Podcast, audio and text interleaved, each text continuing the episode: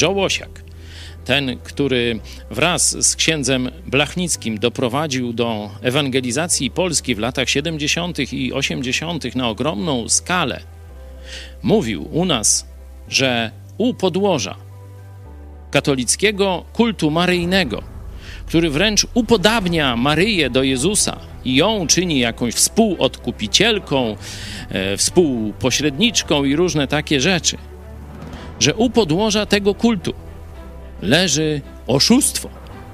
Zobaczcie na katolickich rzeźbach i obrazach.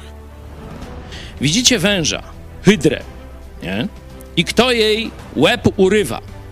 Kto urwie łeb hydrze według wiary katolickiej? No Maryja. A otwórzcie sobie Biblię.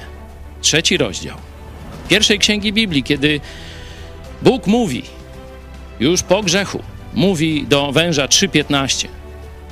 I ustanowię nieprzyjaźń między tobą a kobietą, między twoim potomstwem a jej potomstwem.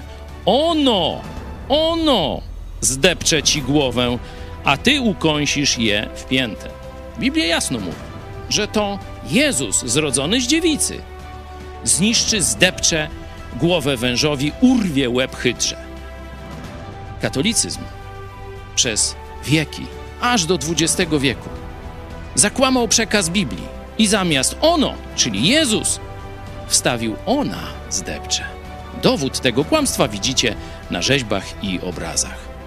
Czas odrzucić kłamstwo, pójść za prawdą, pójść za Jezusem.